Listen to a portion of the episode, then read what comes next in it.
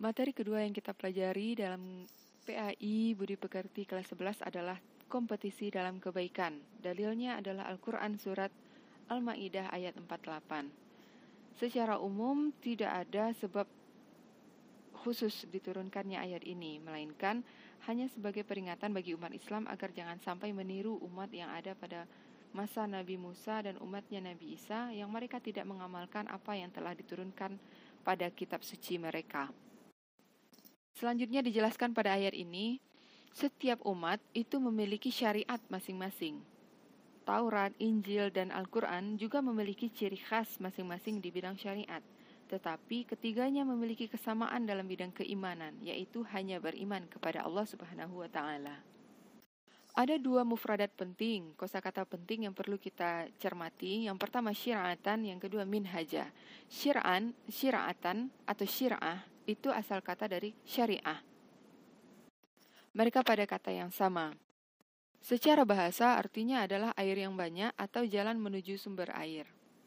Agama disebut dengan syariah karena dia merupakan sumber kehidupan rohani sebagaimana air yang menjadi sumber kehidupan jasmani kita. Syariat adalah tuntunan umat beragama. Umat Nabi Muhammad memiliki syariat melalui Al-Quran. Nabi Nuh memiliki syariat. Nabi Ibrahim juga memiliki syariat. Berbeda dengan kata ad-din yang kita pahami sebagai agama saat ini. Agama juga disebut dengan ad-din yang berarti agama yang bersifat umum, tuntunan Allah yang masih bersifat umum berlaku untuk semua umat. Syariat yang ada pada umat Nabi Musa, syariat yang ada pada Nabi Ibrahim seperti berhaji, tawaf, itu juga ada pada umat Islam dan bisa dibatalkan dibatalkan pelaksanaannya atau diubah disesuaikan dengan uh, yang ada syariatnya pada Nabi Muhammad. Tetapi din, agama, dia tetap tidak bisa dibatalkan. Agama dari Nabi Adam sampai Nabi Ibrahim, agama tetap Islam, dinul Islam, yaitu menyembah Allah semata. Yang kedua adalah minhaja, minhaj yang artinya adalah jalan yang luas.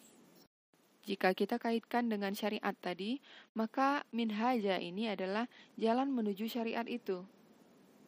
Jika kita tempuh minhaja ini, maka kita akan sampai pada syariat-syariat yang diajarkan.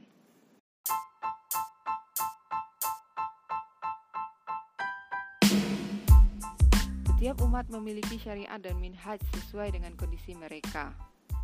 Jika terjadi perubahan, Allah akan kabarkan dan akan ubah syariat mereka. Jika umat terdahulu masih bertahan dengan syariat mereka, sementara telah ada syariat yang baru, maka mereka disebut tersesat. Karena itu, dalil Al-Quran ini, surat Al-Ma'idah ayat 48 ini merupakan penegasan bahwa kitab samawi yang terakhir adalah Al-Quran sebagai penutup syariat dari syariat-syariat yang telah Allah berikan sebelumnya, yaitu pada Taurat dan Injil. Selanjutnya Al-Quran adalah satu-satunya kitab suci yang terpelihara. Kita tidak bisa memastikan adanya syariat pada kitab Taurat dan Injil itu apakah terpelihara dari awal diturunkan sampai akhir nabi mereka meninggal, sedangkan Al-Quran dijamin oleh Allah keterpeliharaannya. Untuk itu, kita diperintahkan oleh Allah untuk menetapkan suatu perkara atau suatu hukum dengan ketetapan yang terdapat dalam Al-Quran. Allah memberikan syariat tertentu pada setiap umat dengan tujuan untuk menguji sejauh mana mereka dapat mengimplementasikan syariatnya yang tertuang dalam kitab samawi masing-masingnya. Dan terakhir adalah perintah untuk kita berkompetisi dalam kebaikan menjadi umat yang unggul, yang maju dan berkembang lebih baik dan semakin lebih baik lagi. Materi hadis tentang kompetisi dalam kebaikan telah Ibu share dalam bentuk video recorder lain ya.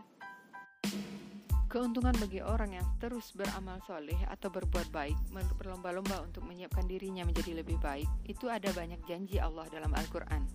Di antaranya adalah dalam surat An-Nahl ayat 97.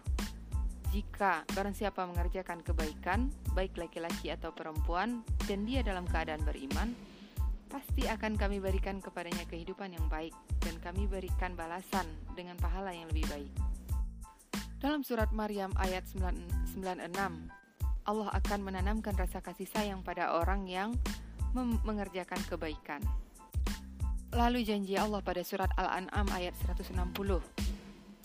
Memperoleh pahala yang itu berkali lipat ketika melakukan kebaikan dan hanya seimbang jika ia melakukan kejahatan. Satu kejahatan diperbuat, maka satu yang akan dibalas.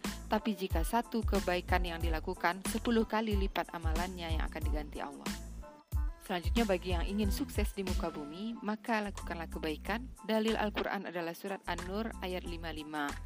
Allah telah menjanjikan kepada orang yang beriman di antara kamu dan yang mengerjakan kebaikan bahwa Dia sungguh akan menjadikan mereka berkuasa di muka bumi dan menjadikan orang-orang sebelum mereka.